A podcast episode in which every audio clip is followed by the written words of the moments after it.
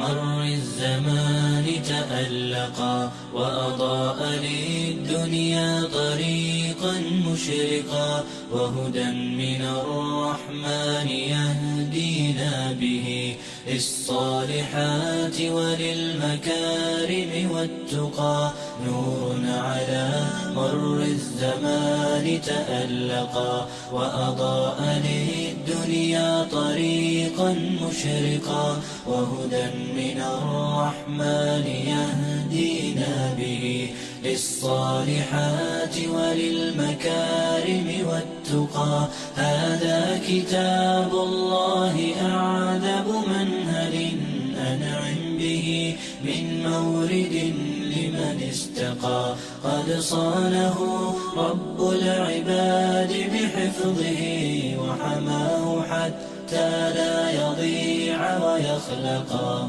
طوبى لمن حفظ الكتاب بصدره فبدا وضيئا كالنجوم تألقا وتمثل القرآن في أخلاقه وفعاله الذين اصطفى وبعد suuratu naasicaad bilowgeedaynu maraynay iyadoo aynu soo aragnay ku dhaarashada ilaahay uu ku dhaaranayo subxaana qaybo ka mida makhluuqaadkiisa oo kuwa ugu sharaf badana sida malaa'igta.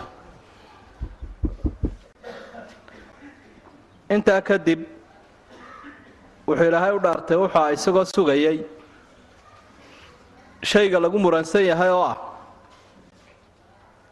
jiritaanka iyo dhicitaanka qiyaamaha. Dhowr eray oo halkaa hore ku jira ilaa toddoba eray ayaad arkaysaa iyadoo fawaasilul aaya. Fawaasilul aayaat aayadaha gebagabadooda ilaahay uu ka dhigay.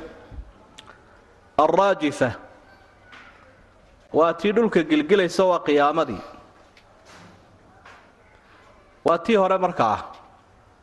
Alraadifa waa suurtii labaadee la afuufayo lagu soo noolaanaya waajifa.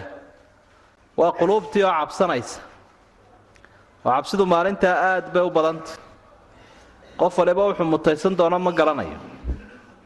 Khaashica. Waa indhihii oo dullaysan. Indhihii la haystayaasha. Dadka la haystayaasha ilaahay uu qabsadeen cidina maarayn karaynin indhahooda khaashica dullaysan yaquuluuna innaa lamarduuduuna fi lxaafira gaaladu imika yidhaahdaan miyaana lagu soo celinayaa xaafirada. Marka xaafiradu waa kamaa kunnaa saabiqan sidaannu berigii hore ahayn. Ma waxaad leedihiin sidaa imika tiin baa aakhiro laydinku soo celinaya waa diidmu. Aidaa kunnaa cidaama nakhira markaanu noqonno lafa baariyoobay baana la soo saari miyaa ma jiro? Nakhira waa lafuhu marka ay gaboobaan. Gacanta lagu burburin karaba. Ilaahayna wuu jawaaba wuxuu uhi fa innamaa hiya zajratun waaxida waa qaylo keliya ku dhawaaqid keliya. Malaggaa ku yeedhin waa la soo wada bix fa idaa hum bisaahira asaahira waaba iyagoo saahirada ku dul sugan marka saahiradu waa calaa wajhi lard dhulkaa saharka lagu qaatay iyo soo jeedka. Meesha lagu soo jeedaa waa dhulka guudkiisa. Markaa dhulka guudkiisa iyagoo kolkiiba ku sugan dhul ilaahay u diyaarsaday oo bannaan oo aan isha ka qarsoomaynin dadku halkaasay isugu imanayaan. Erayada luqadee toddobada ku jira waa kuwaa weeye. Intaa marka laga soo gudbo qisadii nebi muuse iyo fircoon ayaa halkan ilaahay uu ku xusayaa iyadana meelihii ugu dambeeyey qur'aanka.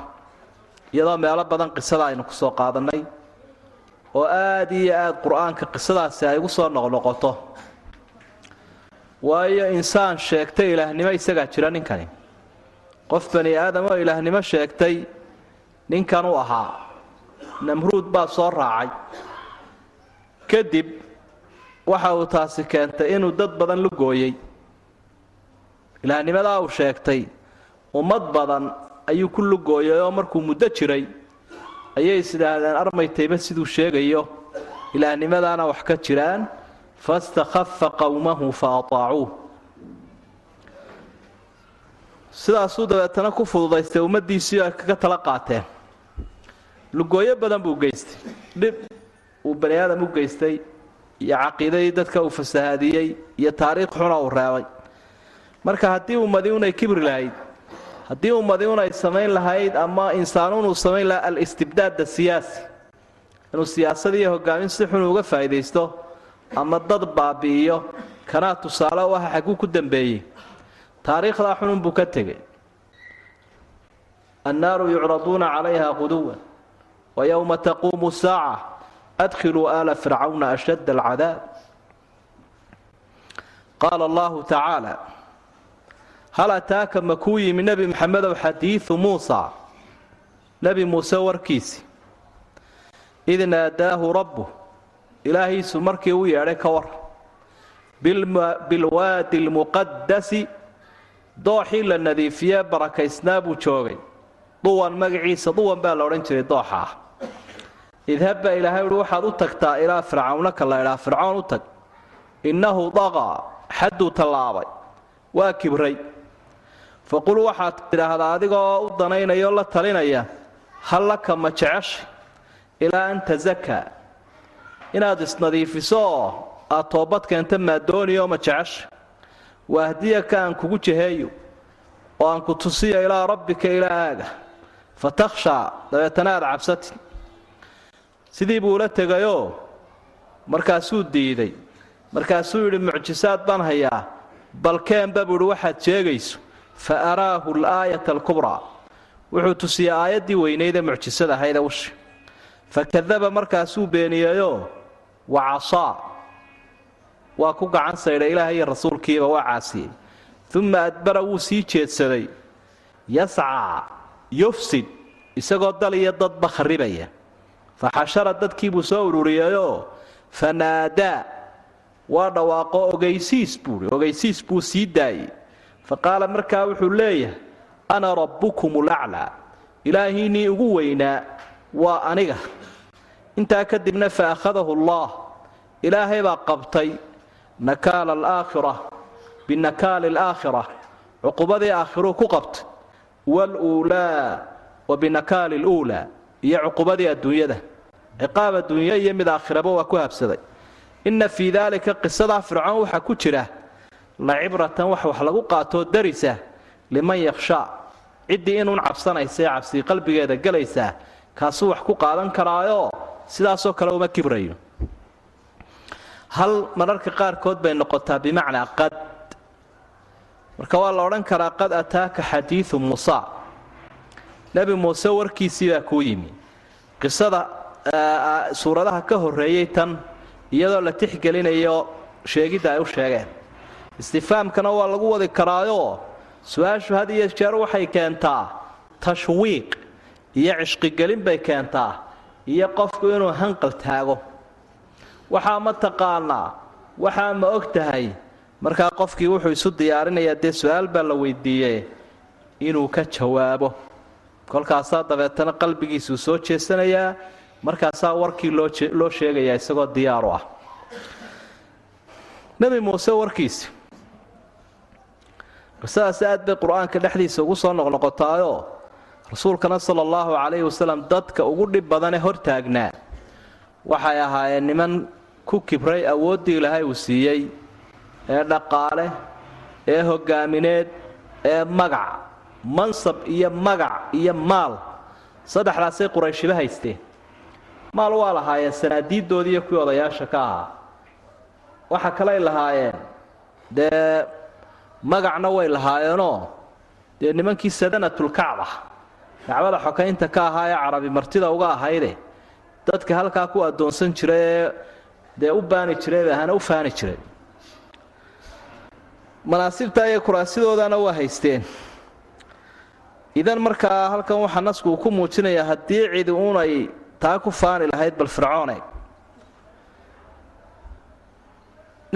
nebi muuse calayhi salaam ilaahay baa ballamiye wuxuu ku ballamiyey alwaadi lmuqadasi tua. Meesha ardu shaam loo yaqaanay dooxaa ku yaalay ee duuru siina ku taallo ayaa ilaahay ugu waxyooday. Marka waxaa la waxaad joogtaa waadigii nadiifta ahaa ee barakaysnaa ee duwaa la odhan jiraye waa tii lahaa waa tii ilaahay uu kuuhi kaabaha la bax oo isdiyaari ilmuqadas waa shay mubaaraka meesha muqadaska noqonaysa iyo meesha mubaaraka noqonaysana waa halkuu ilaahay barakeeya dadku ilaahay barakeeyaabaa barakaysan. Wakhtiguu barakeeyaabaa barakaysan. Goobtuu barakeeyaabaa barakaysan. Siday doontaba ha u barakaysnaato. Barako diineed iyo mid duunyo labadaba way yeelanaysaa. Kol haddii ilaahay rasuulkan halkaa uu uga dhigay meeshii ugu waxyooday meeluu ku casuumay oo ilaahay uu ku qaabilay bay ahaydoo? Micraaj bay u ahayd markaa isaga. Sida nebigu calayhi salaatu wasalaam nebi maxamed uu u lahaa al-israa waalmicraaj dee isagana tanaa u ahaydoo goobta khayrka weynuu kula kulmay. Meel u barakaysan bay ahayd. Waxyigii baa loo soo dhiibay. Ammaano weyn oo aada u culus weyn. Dadkii ugu dhib badnaa ugu shar badnaa uu kaba soo cararay baa la yidhi qaad ammaanadanoo ula tag hana u warwareegin weeye warku waxa ugu daran ee uu ka baqanayuu ka warwarsanya u dhiib. Dhowr arrimood baa ugu daranoo muuse ku soo noqdaa uma sahlanaa. Oo dee waa ninkii uu halkan ka eriya kii fircooniga ahaa feedhka ku dilay. Talabaada u darani waxa weeye dee dadkii aniga ilaah ii ugu weynaa ah buu ku yidhi in la idhaahdo ilaah kalaa dadku iyo adiguba aan leedihin oo allah la ydhaah adiguna ilaahay ma tihin arrinta saddexaadee meesha ku jirtaana waxa weeye dadkii uu gumaysanayay reer banu israa'iil gacanta ka qaado xoree isaga agtiisa markaa waad dhimatay waxna kuguma soo hadhin weeye saasay uga dhiganta taa waxaa laga faa'idaysanayaa dacwad iyo diid marka dadka la gaadhsiinayo in lafdhabarteeda la abbaarayo iyo halkay ka macdax oo aan waxba loo reebaynin. Usluubka wanaagsani ha jiro oo dee waatan layidhi usluub fiican u gudbi. Laakiin xaqii dee inuu waadix noqdo oo loo caddeeyo ciddii loo sheegayay waa laga maarmaanoo dee mudaahano iyo mudaaraad iyo lafi iyo dowraan. Jiiro dheer umuu soo gelina uu bacdhabay uun. Halkii ugu darayd unbuu taabtayba. Marka waa noocaa weeye xaqu caddaan buu u baahan yahay. La caddeeye macnaha. Idhab ilaa fircawna innahu daqa. Fircoon faraacinadu madaxda waxay ahaan jireen masar. Ayaa madaxda soo mara had iyo jeer faraacino la odhan jiray. Kaasina waa kii dee ugu sii ifsaad badnaa kaa u tagbaalay kii uuga soo cararay masare uu madyan ku yimi wey. Loo sheegayoo lagama qarinbo waanu kibray. Dee nin kibrayna waa tii lay walaa tumaari man idaa qaala facal hala murmin qof markuu hadlo wuxuu doono samaynaya man idaa qaala facal qofka markuu idhaahdo dila ku dilaya xidha waa lagu xidhaya mastaafuriya waa lagu mastaafurinaya kii nooca ahaa innahu daqaa baa loo sheegay. Xaddii buu tallaabo waa kibray marka kaa u tagbaalay waxaynu ka faa'idaysanaynaa innagoo rususha kaga dayanayna inaynaan ikhtiyaar u lahayn iska daynta diinta ilaahay faafinteeda. Laakiin dadku waxa ay ku amran yihiin oo addoomma aynu ku nahay mid nacabaya mid jecel mid soo dhowaynaya mid diidayaba kolley in xaqu dadka la gaadhsiiyo sida ugu waafisa. Waayo dee cidda loo sheegayaa fircoon marnaba kama ifsaad badna kamana kibir badnaanayso. Usluubkii baa ilaahay u tilmaamay. Oo dee qur'aanku waa kayna baraya. Marka dawadan dadka la gaadhsiinayo in loo muujiyo in qofkii loo danaynayo nasiixa jirto meesha. In la xajecla jirto. Oo qofkii isaga wax lala doonayo. Marka bilxikmati wlmawcidati wlmawcidati idcuu ilaa sabiili rabbika bilxikmati wاlmawcidati اlxasana usluubkiibuu marayaa ilahay u laqimaya faqul hal laka ilaa an tazakaa waahdiyaka ilaa rabbika fatakhshaa sidaa ku dheh laba arrimoodoo wan wanaagsan oo ummaddu ay u nooshahaan kula doonayaa fircawnow qofku inuu dembiilo noqdo iyo inuu qof taa'ibahoo toobadkeena noqdo waxa wanaagsanoo waajibku ah inuu taa'ib noqdo ilaahay u toobad keeno. Taan kula doonayaa waa taase ma doonaysaa ilaa an tasakaa doon wey waxaa lagula doonayaa inaad nadiif noqotaa toobad keento. Waana ta horaynaysa wey wa ahdiyaka ilaa rabbik fatakhsha ilaahayna aan ku tusiyo ilaahaagii ila uu dhagooleeyo waa kan indhatirae ilaahayna aan kugu hanuuniyo sidaa ku dheh fircoon dadka hortoodii baa tan looga sheegaya oo loogu cadaynaya fircoon fa araahu laayata alkubraa waxay imanaysaa markii uu diiday ee uu yidhi bal waxa aad haysa keen. Ilaan suuratu shucaraayo baad ka akhriyaysa suuratu daaha iyo qisadu meelaha ay ku faahfaahsan tahay. Markuu yidhi rasuul ilaahay xaggiisa ka yimi baan ahay waa kii dafiray. Ee dabeetana yidhi bal keen wax. Fa araahu laayata alkubraa aayadii weynayd buu tusiiya marka aayaadka dee la siiyey. Way sagaal buu qur'aanku ku tilmaamay laakiin ta u weyni waxay ahaydee ugu yaab badane ushiiba ahayd. Alaayat lkubraa mar walbana ilaahay rusushiisa wuxuu siiyaa basharka wakhtigaasi rasuulka loo diray wixii ay ku rumaysan lahaayeen ee qancin lahaa ciddii qancaysa. Ee cid kale oo samayn karta aanay jirin. Waa aayaadka. Aaya baa ilaahay uu tilmaamo dee aayaadkii tanziili bay noqdaan kuwa ilaahay uu soo dejiyo takwiini bay noqdaanoo waa kuwa aynu kownka ka arkayno. Mucjizaad bay noqdaan. Xikmadda ilahay saasay keentay. Aayaddiina mucjisadanina waxa ay u socotaa waa markhaati kii weynaa. Markhaati weyn wey markhaatigaasina wuxuu ka markhaati yahay ama mucjisadaasi ay caddaynaysa. Qof caadiya inaanu ahayn qofkan hadlaya. Dadka inaanu la mid ahayna dheeraad leeyi ilaahay xaggiisana laga soo diray. Kadibna ay habboontahy in isagii la qaato oo la liqo oo la aamino isaga horta. Isagii in la aamino ayaa kowa oo qofka marka la aamino inuu kii xaqa wada yahay ee habboonaa ayaa la aaminayaa wuxuu wadana. Marka laakiin qofkii aan la aaminin wuxuu wadana lama aaminayo. Marka horta haddaan rasuulkii rasuulnimo loo qaadanin waxyigiisii la qaadan maayo. Idan marka aayaadka tansiiliga waxaa ka horreeya aayaadkan mucjisaadka ayaa ka horreeya marka aayaadka mucjisaadka ahi waa kuwo gogoldhig u ah in waxyigiina la qaato la guddoonto oo dadkii horta waxaa laga dhaadhicinaya rasuulkan inay aaminaan ay ku qancaan rasuulnimadiisa dabeetana ay yidhaahdaan waxbaa laga dhagaysan karaa. Markaasay aayaadka imanayaan.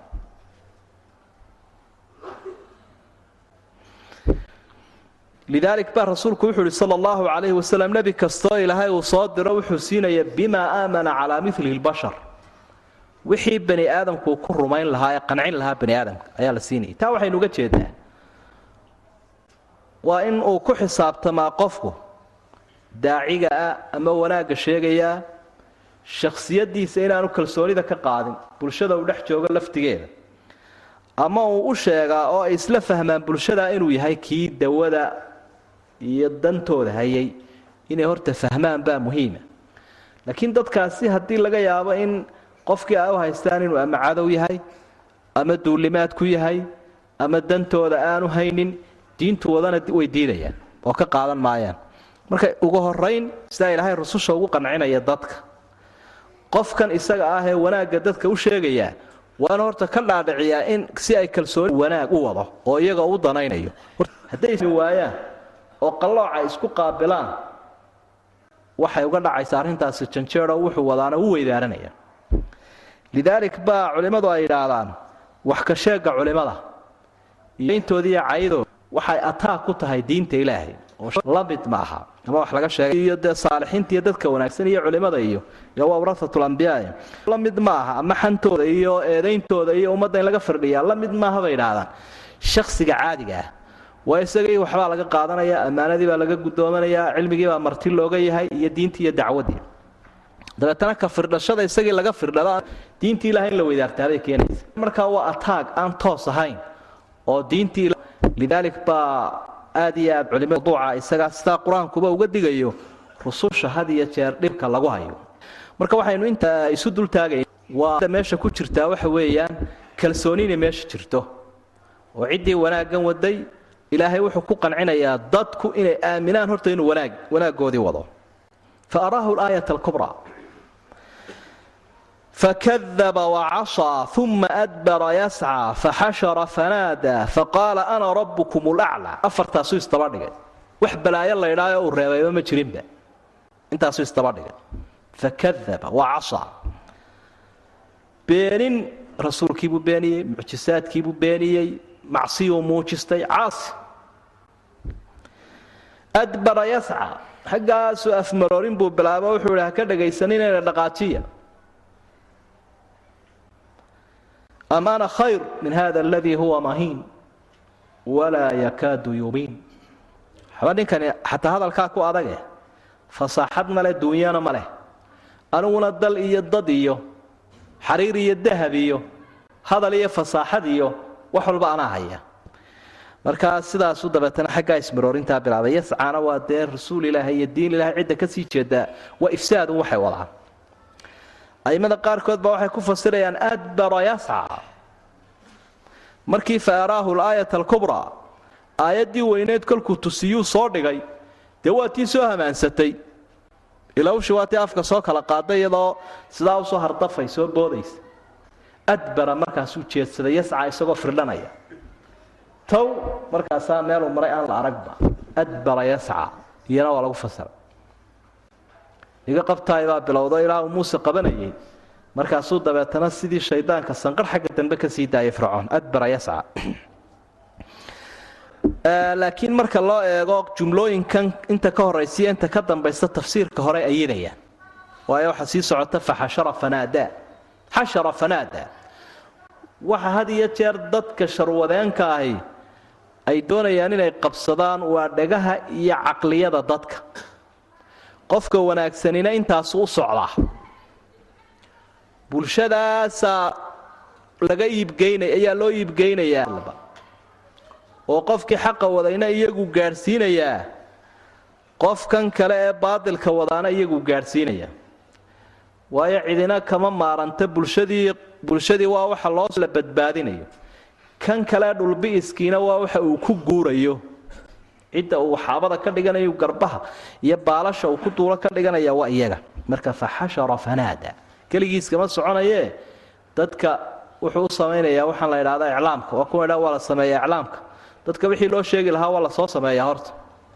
Dabeetana intoo la soo malluuqo baa warbaahinta looga sii daayaa isagoo beentiisaasa dowladdii baa sheegtay caalamkii baa sheegay iclaamkii baa sheegay waaba la yska qaatayba boqolkiiba siddeetan baa dadka aan odhanayn dib loogu noodeeyo waxaani waar armuu been yahay. Dadka waxyaabaha agabkan gacanta ku haya wax laga baahiyo nidaaga mawaadica nidaa. Waxay ogaanayaan inaan cidibo odhanayn war wuxuu muxuu ahaa? Ama aan dibba loogu soo noqon karaynin? Ayay ogaanayaan. Sidii shaydaankii la odhanaya wuxuu isku dhex daraa beentiiyo runta. Waa la ysu raacinayaa dadka. Dhibaatooyin badan oo dhacay ayay iyagu sameeyeen kuwa sii daynaya eedaynaya waxa markhaati kuugu ah waxani markuu dhaco in yar kadibba waxaad maqlaysaa qolo heblaayaa ka dambaysay maba la baadhinba waxaaba laga yaabaaba in dadkii dhakhtarka loo sii wadaba. Dhibaato dhacday oo iyagu sameeyeen ayaa cid kale loo xambaarinaya. Wax iska caadiya bay noqotay ujeedooyin baa laga leeyay. Ama hub baa lagu gadayaa ama kharash baa lagu kordhinayaa ama suuq baa lagu samaysanayaa dabeetana waxay ogyihiin inaan cidiba odhanaynin. Waar wuxuu malaha dee caynkaa ma ah. Inaan cidiba ka daba bay ogyihiin oo iyaguba u hayaanba dadka wixii loo sheegi lahaa. Marka innagu unaan u sheegno dee ayaa la odhanaya.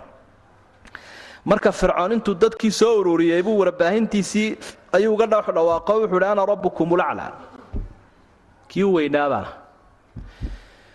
meeshaa waxaa laga fahmayaa bay leen tafdiilka. Ah kii u weynaabaan ah in kuwa yaryari jiraan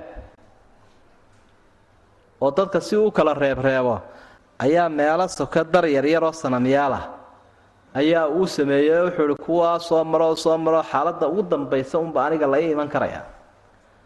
Ama cibaadada u dambaysa anigunbaa la ii soo jahin karaya laakiin horta sanamyaashaa yaryar ku soo mashquula. Isaga laftiisuna wuxuu lahaa ilaahu caabudo. Isaga laftiisu waayo khaanadan cibaadadu way iska bannaantay oo qofkii waa wax dee ilaahay uu ku abuuray inuu cid aamino oo u hiiliyo oo u khushuuco. Markaa fircoon haada inkastuu yidhi dadka aniga ilaahay ugu weynaaya haddana isaga laftiisuna qaaruu ku warwareegaabuu lahaa. Oo markay jamaciisii la hadlayeen kuwii madaxdaa waxay idhaheen atadaru muusa wa liyufsiduu fi lard wayadaraka wa muuse iyo qoladiisa hadaynin dal iyo dadba way kharibayaan wayadaraka wa aalihatak adigiyo ilaahyaashaadana wuu ka tegayaa ama waa kuwo ka hooseeya ama waa kuwo isaguba caabuday halkaasuu insaan gaadhay bani aadam halkaasuu gaadho ibliisku muu gaadhin halkan isaga ah laba meelood ibliisku ma gaadhin oo bani aadamkuu gaadhay ibliisku muu odhanin aniga ayaa ilaahay ah laakiin dee qur'aanka waxaad ku arkaysaa qisada ibliis ka warramaysa inuu leeyahay rabbi andirnii ilaahay ow ii kaadi. Ilaahay buu ilaahnimo u aaminsan ilaahay ii kaadi buu leeyahy mid labaadna muu samaynin ibliiskii oo ilaahay muu dafirinba malaaxidada dadka la ydhaa sida shuuciyiinta iyo wixii lamida dee ilaahba ma jiray le laakiin isagu waa kanoo dee ilaahay wuu hortaaganya wuu dhaaranayaa une ilaahay ow buu caynkaa iya idan markaa waxaad arkaysaa in badan oo bani aadamka ka midoo isaga kaba shisheeyaa inay badan yihiin gaalada qaybo ka midoo kaba shisheeyaba fa akhadahu allahu nakaala alaakhirati waluula saasunbay isu daba socota. Waa fadu bixasabi tartiibiha. Kastaa waxa u dambeeyaa waa gacantii ilaahay inay cuskato. Dubbihii ilaahay inuu cuskadaabaa mujrim xaasil u ah. Taasaa qofku uu ku qanacsan yahay qofka muminka ahi adduunyadiina ilaahay wuu ku qabtay aakhirana wuu ku qabtay. Ciqaabtii adduunyada ilaahay wuu ku qabtayoo dee qur'aankaa ilaahay uu kaga warramay sida uu halaagay. Aakhirana ilaahay waa u diyaariyo waa qabtay. Wajacalnaahum a'immatan yadcuuna ila annaar wa yowma alqiyaamati laa yunsaruun. Kuwo madaxoo dadka naaraha ugu baaqaanu ka dhignay qiyaamahana cidi u hiilin mayso wa yowma alqiyaama bi'sa ariftu lmarfuud qoladiisii naaruu ku hogaamiyey. Ilaahayna lacdal buu ku abaalmariyey oo cashar uga dhigay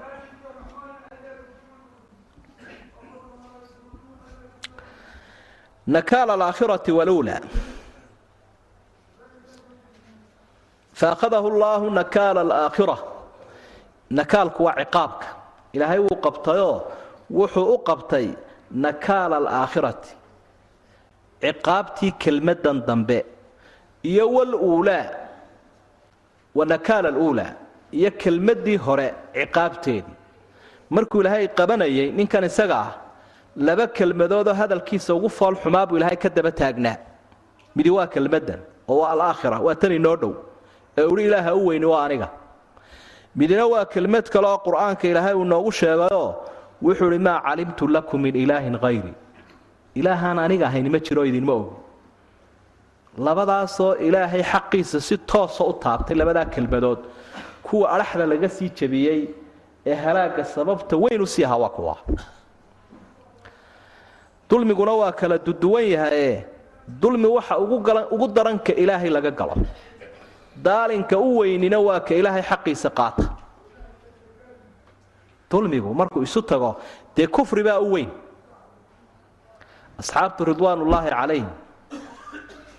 Markii ay soo degtay aayadda ilaahay u uhi aladiina aamanuu walam yalbisuu iimaanahum bidulm ulaa'ika lahum lmnu wahum muhtaduun aayaddaasi kolkii ay soo degtay madaxay qabsadeenoo fahamkeedii baa ku yaro qalloocday marka waxay idhaahdeen dee mid waloo annaga naga midihiba dee iimaankiisa dulmi buu ku daraa oo gef baa ka dhaca markaa dee nabadgelyo iyo hanuuntoona heli mayno maadaam iimaanka yagii dulmi iyo gef aanu ku darnay. Markaa rasuulku sala allahu calayhi wasalam mafhuumkaasu u saxay xadiidka saxiixi siduu tilmaamayo waxaanu ku yidhi dulmigan aayaddu ay sheegtay waa shirkiga. Waa dadka mu'miniinta ah ee gaalnimo iimaankooda aan ku darin. Wixii ka sokeeyaa u dhici karaae kuwaa weeye kuwa hanuunka iyo nabadgelyada leh markaasuu daliilkaa daliil kale sii duldhigay nebigu calayhi salaatu wasalaam. Miyaydaan maqal luqmaanulxakiim ninkii la odhanayay saalixaa wanaagsanaa alcabdu saalix. Odhaahdiisii ilaahay uu ka wariyey ee uu ihi inna shirka la dulmun cadiim. Shirkigu gaalnimadu waa dulmiga u weyn. Waxaynu uga jeednaa mid haddaba ilaahay xaqiisii duudsiyay oo ilaahay dhacay oo xaqii ilaahay diiday ama ilaahay xaqiisii cid kala siiyey in caadil lagu sheegaa waa gardaro maxkamadiisaa caadila isagaa caadila wixiisu waa biyo kama dhibcaan waa xaqsoor oo muxuu xaqsoori kii ilaahay ugu horreeyu la boodee. Ilaahay xaqooga ma lihid baabuudhiba ilaahay uma qalantid cibaado. Ilaahay arrintaa ma kari karaysa ilaahay ilaahnimada keligaa ma lihid. Marka halka u horaysa islaamku uu ka duulaa waxa weeye inaanu u aaminsanayn gaal inuu caadil yahayda haddii ay tahay qowl iyo hadday tahay xukun macnaha shahaadat riwaaya. Iyo iyo shahaadat fi lqada marka garsoorka ay taagan tahay markhaatiga. Iyo markhaatiga xagga riwaayada. Iyo xukunka intaba waxaa loo shardiya islaamkeenu u shardiya cadaalad. Alcadaala waashhiduu daway cadlin minkum yaxkumu bihi dawaa cadlin minkum alcadaala ayaa mar walba islaamku shardi ka dhigaya haddaanu qofkaasi caadil ahayn markhaatigiisuna socon maayo qadaagiisuna socon maayo xukunkiisuna socon maayo. Leannahu ilaahay buu ku duule maado harkuu jiidayaa sidaas sidaa dabeetana aayadda ilahay uhi faakhadahu allahu nakaala alaakhirati waluulaa. Wax kaa soo fulo waxa ugu liito ugu daran eray gaalnima iyo ficil gaalnima wanacuudu billahi min dalik ina fii dalika lacibratan liman yakhsha ina fii dalik lacibratan liman yakhsha. Ciddii inuun cabsanaysa halkaa dee daris baa ugu sugan. Liman yatacid wayanzajir waa run ciddii kibri lahayd ciddii xukun si xun u isticmaali lahayd siyaasad qalloocan isticmaali lahayd ilaahay xaqeeda maroorsan lahayd halkaa qisada fircawn ha ahrido aantum buu ilaahay yidhi ma idinka ashaddu adag khalqan xagga abuurka ami samaau mise cirka banaahaa ilaahay baa dhisay samadii. Rafaca wuu kor qaaday. Kor buu u qaaday samkahaa saqafkeedii fa sawaahaa markaasuu habeeyey. Uu isku hagaajiyey. Wa aqdasha wuxuu madoobeeyey leylahaa habeenkeedii wa akhraja wuxuu iftiimiyey duxaahaa maalinteedii walarda dhulkiina bacda daalika intaa uu samada abuuray kadib buu daxaahaa ilaahay kala fidiyey. Akhraja minhaa wuxuu ka soo saaray dhulkii maa ahaa biyaheedii wa marcahaa iyo daaqeedii xooluhu ay daaqi lahaayeen. Waljibaala buurihiina arsaahaa. Wuxuu duldhigay oo uu ku hakiyey dhulkii. Mataacan lakum si ay raaxa idinku noqoto idinka iyo wali ancaamikum iyo xoolihiinna dad iyo duunyaba si ay u dheefsadaan uguna dul noolaan karaan fircoon waxa uu sheegay inuu ilaah yahay muxuu qabtay dee cirkeebuu dhisay dhulkeebuu sameeyey ceelkeebuu qoday biyaheebuu soo saaray buurteebuu ka dambeeyey. Dee midnaba faaqidu shay laa yuctiihi laa xamaaye muxuu haddaba ilaaha u sarreeya ku yahay dee? Waa arrin ilaahay uu ku qancinaya subxaanahu wa tacaala. Ciddii caqli leh. Inna fii dalika la cibratan liman yakhsha. Bal cidda sheeganaysa ilaahnimadan iyo awooddani ilaahay waa kanoo awoodahanuu leeyahay maxay leeyihiin marka munaasabadda ka dhaxaysa aayaadkaa hore ninkaa ilaahay uu ku fashiliyey iyo awoodaha halkan ilaahay uu ku sheegaya caalamka ka muuqanaya munaasabaddu waa taa weeye. Oo ninkii namruud la odhan jiray markii uu la murmay nebi ibraahim calayhi salaam ee uu ihi anigaaba wax nooleeyo oo wax dila. Dee wuxuu u daliishaday aaya kowniya aayaadkaa markaa ka muuqanaya caalamka oo dee qoraxduunbuu markaa hordhigay qoraxdii waa kaasoo ilaahay barigaasuu ka soo saaraaye bal adigu bedelo. Xaggaa ka soo wareeji buuri xaggaa ka soo saar. Marka sidii oo kale fircoon ilaahnimuu sheegtay awoodahan miyuu leeyahy maya si kale kolka loo eego in fara badan oo insaanka ka midaba aakhiro diidayoo ilaahay awooddiisa ka soo horjeedsaday. Iyagana ilaahay wuxuu ku qancinayaa intanoo arrimood oo arkaysaan.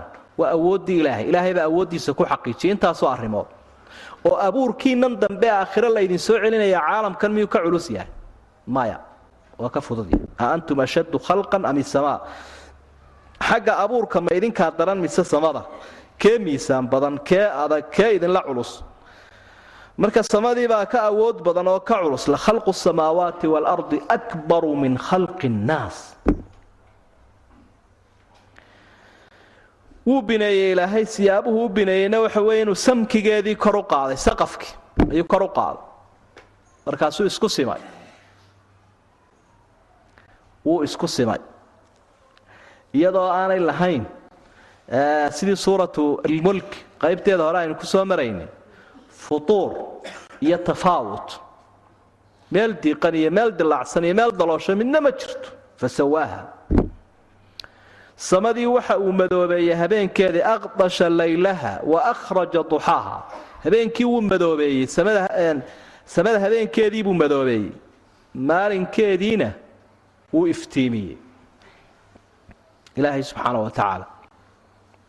Habeenkii isagaa haya maalintii isagaa haya qoraxdii isagaa haya cirkii dhulkii abuurkoodii maamulkoodii si dadku ay u gartaan ilaahay xaqa uu leeyaho cibaadada ah towxiidkiisa uluuhiyada si ay u aqoonsadaan buu kii rubuubiyadu u tilmaamaya. Marka rabbiga caalamkani waa isagoo awoodaha isagaa lehe cibaadadaana isagaa leh. Fircoon ma laha mid kaloo kibrayna ma laha shaydaanna ma laha. Ilaahay uga dambeeya arrimaha. Awooddiisii maamulwata ah iyo abuur. Awoodda xukum iyo awoodda cibaadana isagaa leh. Walarda bacda dalika daxaaha waxay aayaddu ka muuqanaya in dhulkii la abuuray cirka kadib ayaa ka muuqanaya. Meelaha qaarkoodna qur'aanku waxa uu tilmaamaa inuu dee xagga abuurka ku horeeyey dhulku. Ayaa qur'aanku uu tilmaamaa. Markaa isma diidaya qur'aanku waa isku dhanunbuu u jeedaaye. Halkan ilaahay waxa uu tilmaamay kala fidintii asal ahaan waxaa ku horreeyey dhulka. Abuurka ayaa isagaa ku horreeyey dhulku. Samaduna way ku xigtay. Laakiin kala fidintii iyo ballaadhintii iyo u diyaarintii khalqiga ayaa dembaysay xagga marka la eego dhulka. Bacda dalik bacda khalqi samaawaat. Intii samooyinka la abuuray kadib ayaa dhulkii la kala fidiyey. Daxaaha ayuu ilaahay kala fidiyey. Akhraja minhaa maa'ahaa wa marcaaha biyaheedii buu ka soo saaray. Marcaaguna waa daaqii buurihiina arsaaha wuu dul saaray. Arsaaha wuu dul saara waa ku adkeeyey. Mataacan lakum waliancaamikum waxa dhulkii uu sidan ugu goglay si dadkiiyo dunyadu ay u raaxaystaan. Waxa nabaadkan iyo biyahan uu soo saaray mataacan lakum waliancaamikum ilaahay saas ugu diyaariyey subxaana wa tacala khalqiga wixii u baahnaayeen. Fa idaa jaa'at marka ay timaado adaamatulkubraa balaayadii weynayd oo qiyaamaha ah yowma maalinkaas yatadakaru linsaan. Qofkii bani aadamkaa wuxuu xusuusanayaa maa sacaa wixii uu shaqeeyey camal ahaa. Wa burizat iljaxiim naartiina waxa loo soo bandhigay oo la soo hordhigay liman yaraa ciddii arkaysa. Fa amaa man daqaa ciddii xadda tallowday wa aahara doortay alxayaata addunyaa noloshan adduunyada doortay. Fa ina aljaxiim naarta jaxiimo la yidhaahdaa hiya alma'wa iyada xarun u ah xarun bay u tahy amaa man khaafa qofkii ilaahay ka cabsaday. Amaa man khaafa qofka ka warwaray ee ka cabsaday ee ka fikiray maqaama rabbi. Ilaahiisa horjoogsigiisa. Wanaha nafs. Naftiina u diiday can ilhawaa rabitaankeeda fa ina aljanna jannadii hiya alma'waa iyada xarun u ah. Barta uu saldhiganayo deegaanka u ahay waa janno. Yas'aluunaka can isaaca qiyaamaday ku weydiinayaa nebi maxamedow dadku ayaana mursaaha wakhtiga ay dhacayso ee ay cayiman ayay ku weydiinayaan.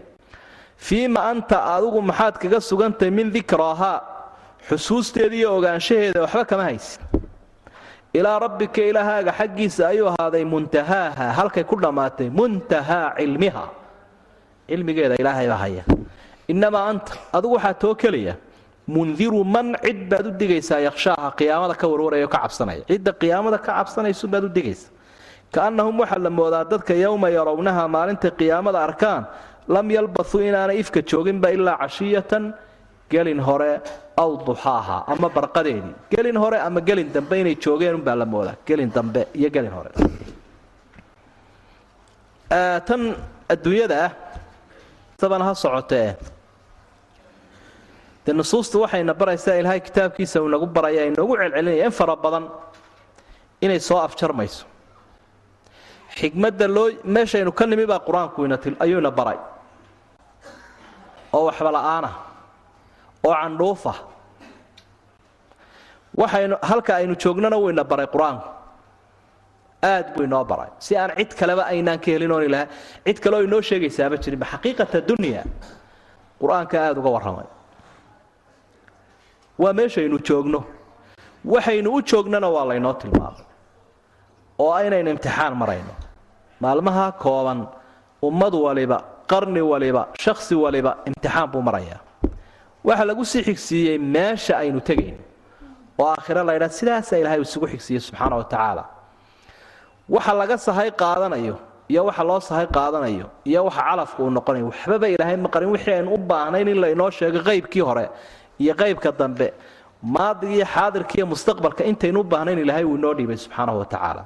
Intaasoo basharku u baahnaa waa inoo dhiibay ilaahay. Min ayna naxnu wa ayna naxnu wa ayna naxnu. Meeshaynu ka nimi meeshaynu tegaynaa meeshaynuse joognaa.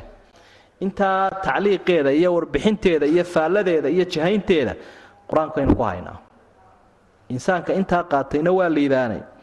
Oo safarka uu gelaya ku jiiftaami maayo kuna go'doomi maayo ee uu sahay qaadanaya insaanka tan iska dhagatelay ee halkaa aynu joogno qalad ka fahmay qalad ka fahmee rarka dhigtay ee dhexda u furtay ee safarkaa aan xusuusnayna waa ka ku dambaynaya wayaquulu lkaafiru yaa laytanii kuntu turaaban faida jaaءat اdaamة اlkubraa asaakha wadaama waa qiyaamadii daamada waa balaayada weyn addaahiyaة اlkubraa musiibada weyn ee cid walba dawaqin doonta ee dhagaha iyo maskaxdaba dilaacin doonta marka ay timaado maalintaasay indhuhu u baxayaan mid kastoo indhalaa waaka ilaahay le fabasaruka alyawma xadiid maanta aad baad waxu arkaysa kii indhaha lahaa kii dhagaha qaba yowma yatadakaru linsaanu maa sacaa tadakur maalintaa iyadaabuu garanaya oo uu xusuusanaya oo uu fahmaya wixii uu shaqeeye camal u ahaa.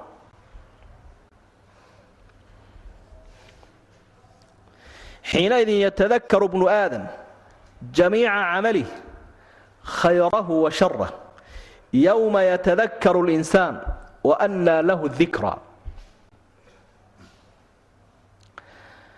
marka camalkiisii uu qofkaasi sameeye waa lagu qancinayaa sharkiisi iyo khayrkiisii buu kala garanayaa wuxuu ku halaagsamaya iyo wuxuu ku horumaraya maalintaa wuu garanayaa.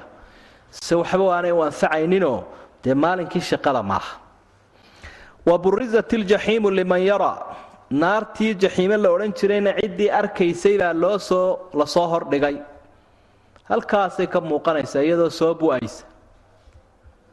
Iyadoo marka u horaysaba intaan cidiba gelin horta ee xisaabtiiyo dadka loo wadwado ee meelahan ilaahay uu ku soo faylinayo uu ku soo ururinayo halkaasay ka soo bu'aysa. Iyadoo toddobaatankii kun ee xadhig leh toddobaatankii kun ee malagna xadhig walba hayaa. Dadkuna labadan unbay u qaybsamayaan. Waayo adduunyadii ayay laba un u qaybsanaayeen. Labadii unbay halkanna aakhirana ula dhacdhacaya gaaladu waxay noo sheegaan dadku qaybtan inaanu lahayna qayb kale uu leeyahy qur'aankuna qaybta xaqiiqigaabuu ina baraya. Marka iyagu waxay ka cararayaan qaybtan xaqiiqada ah inaynu aaminno. Dadka markan ay qaybinayaan siyaabo kala duwan u qaybinayaan qaybtan dhabtaabaa laga cararaya. Gaal iyo islaam bay adduunyada u qaybsan yihiin dadku. Aakhirana waxay u qaybsan yihiin ahlujanno iyo ahlunaar waaba labadaasu khalaas. Laakiin iyaga waxa le wadamay u qaybsan yihiin. Wadamo ayay u qaybsan yihiin jinsiyadana way u qaybsan jaaliyadana way u qaybsan yihiin. Qabaa'ilna way u qaybsan yihiin. Xaggaasaa loo kaxeeyaa dadka. Si tan looga duwo la isugu dhex daro labadan. Inay isku mid yihiin si lagaaga dhaadhiciyo. Adiga iyo kan isku ninu baati. Waa isku jawaas baati.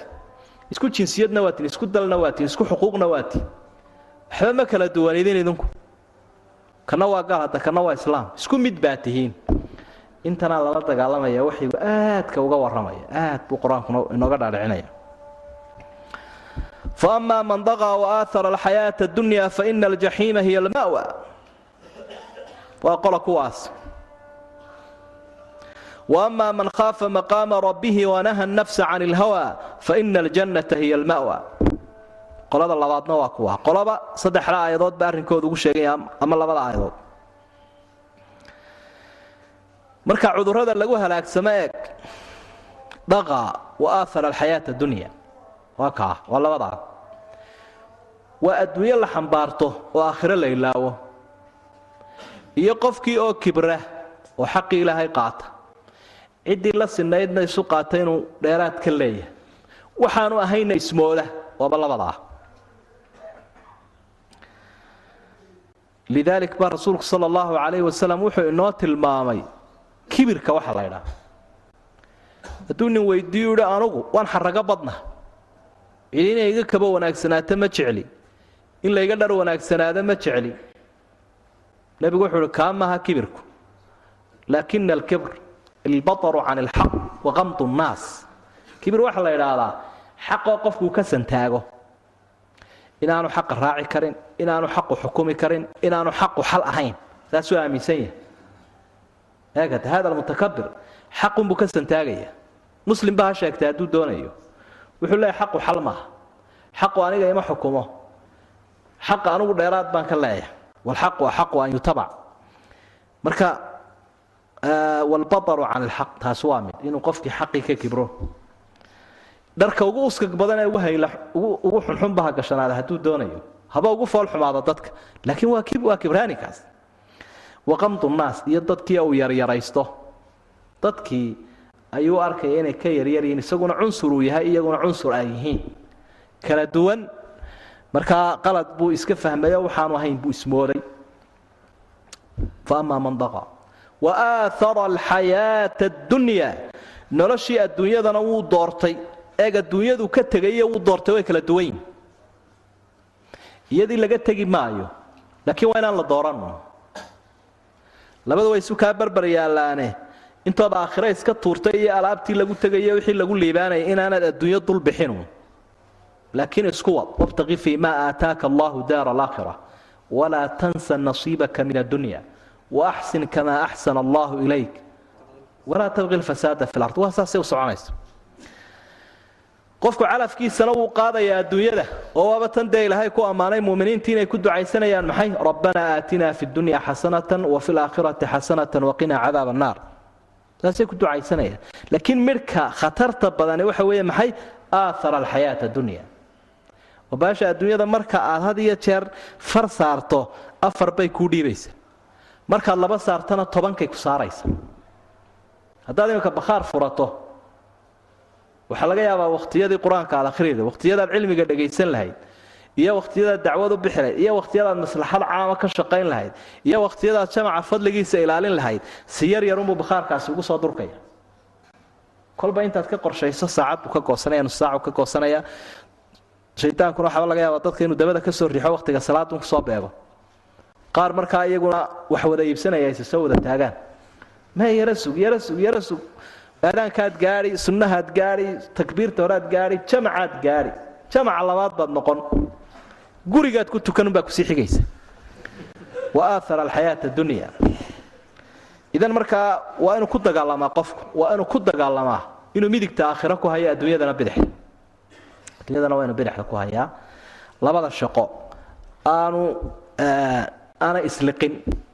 Oo inuu qofkii adduunyadii faraha ka qaadana dee waxay keenaysaa inuu cid kale u baahdo faramadhnaantu dee waxay keeni kartaa gobonimo daro oo markaa cidkii dee ciidda cuni maayo qofkii waxaa u baahan yahay duruuftiisi iyo baahidiisii inuu daboolaabuu u baahan yahay. Sidaa daraaddeed sharaftiisii baa dhaawacmi karta. Marka isaga oo wixii u baahnaa adduunyada ka qabsanaya caam iyo khaasba haddana waa inaanay aakhiri gelin. Wa aahara alxayaata dunya. Marka aan iska ilaalina dadka weliba tijaaradda ku mashquulsan baacmushtariga bahalka leh dadka wakhtiga cayiman leh ama meel u shaqo tagee wakhtigoodu cayiman yahay. Waxaa laga yaabaa inuu dee ku qasban yihiin wakhtigaa inuu soo rawaxo laakiin qofka shaqada wareegaysa habeen iyo maalinba wadaa aahar alxayaata dunya siduu uga baxsadaa way khatarteeday leedahay. Lidaalik baa qur'aanka kariimkaa ilaahay waxa uu ku ammaanay dadka tujaartee baaci mushtarigaa buu dhexdiisa qur'aanka ku ammaanay. Suuratu nuur baynu ku soo marayna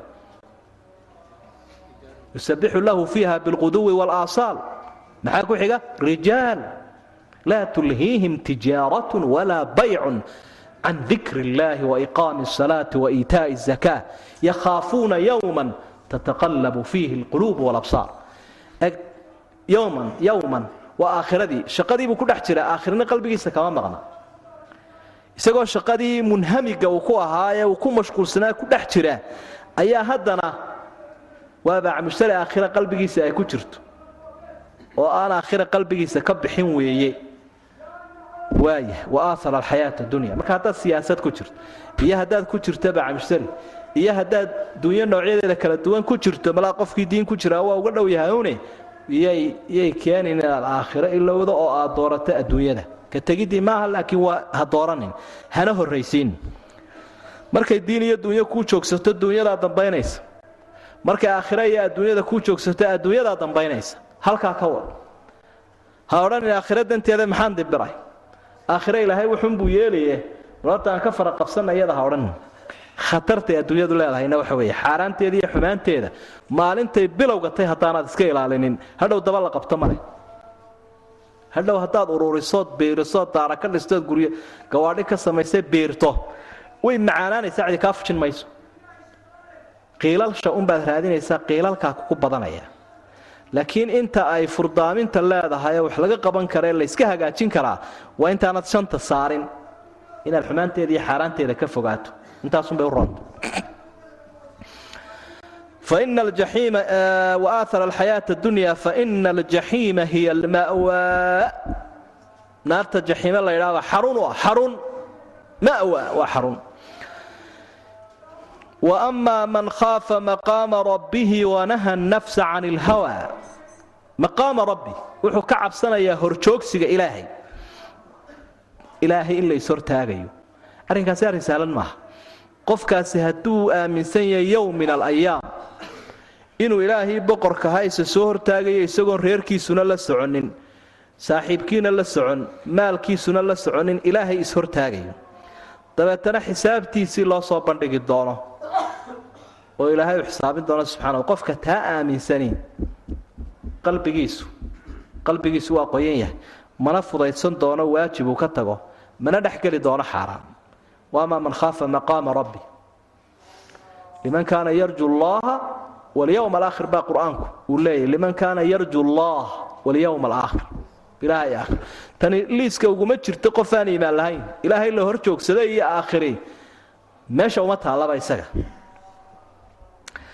Waama man khaafa maqaama rabbi wanaha nafsa can ilhawa wanaha nafsa can ilhawa labadaa arrimood baa isdaba yaalla tii horena waa aahara alxayaata dunya tanina wanaha nafsa can ilhawa naftii way ku wadaa.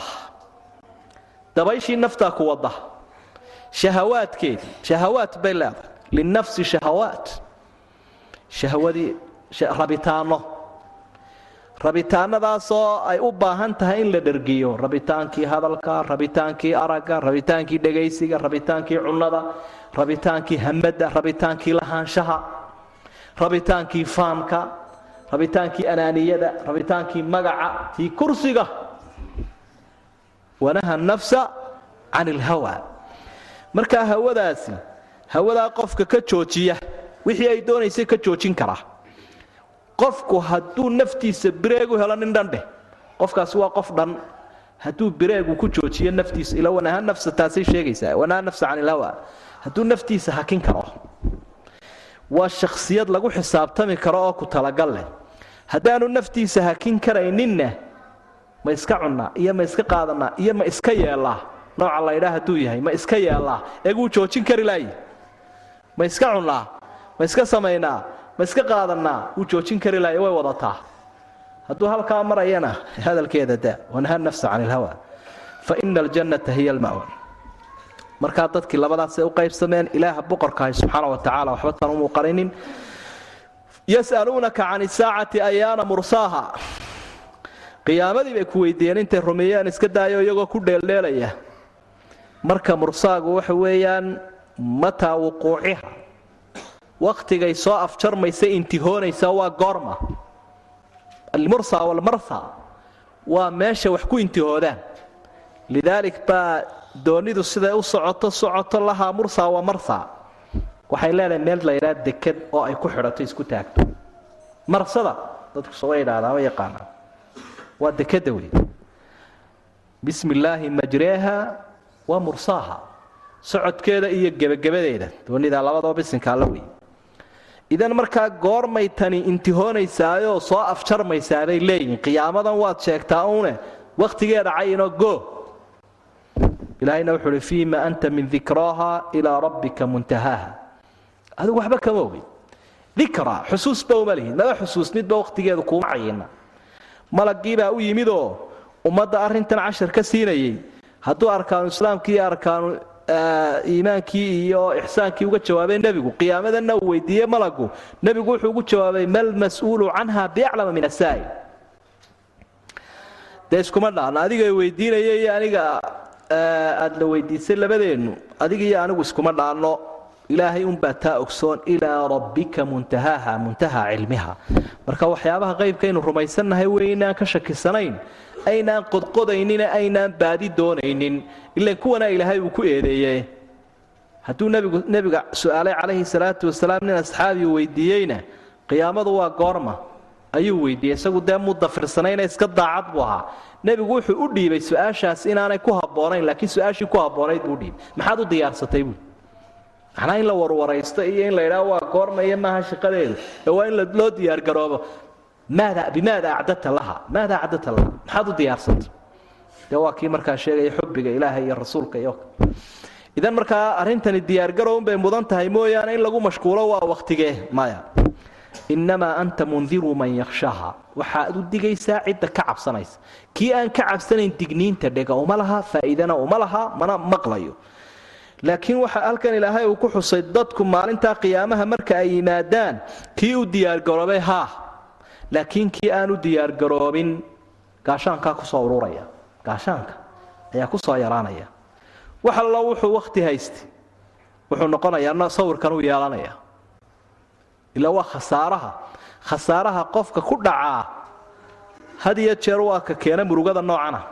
Kaannahum yowma yarawnaha lam yalbathuu ilaa cashiyatan aw duxaaha waxaa la moodaa maalintay qiyaamada arkayaan inaanay joogin ifkii cashiya gelin dambe iyo duxaaha barqinkeedii ma barqinkaa mise waa gelin dambe? Waa labada awdu mid bay kuu faa'idaynaysa wuxuu leeyahay talow ma gelin bay adduunyadii ahay mise ma ma gelin dambe ahay talow mise gelin hore? Ilaa caqligiisii yaraa ee koobnaa. Waxa dhex galay mid geeri la yidhaahda iyo isbedelkaasaa dhex galo way ku soo uruurtay idan wakhtiga kaa khasaaray sidaasaan u tirsanayne nadaamo iyo muruga iyo qoomamuu ku dambaynaya. Ilaahu ma garanayne fas'al ilcaadiin bay leeyihiin malaa'igtii wax kuu tirinaysa bal weydii annagu ma garanayno wakhtigaas in qadarka waaye.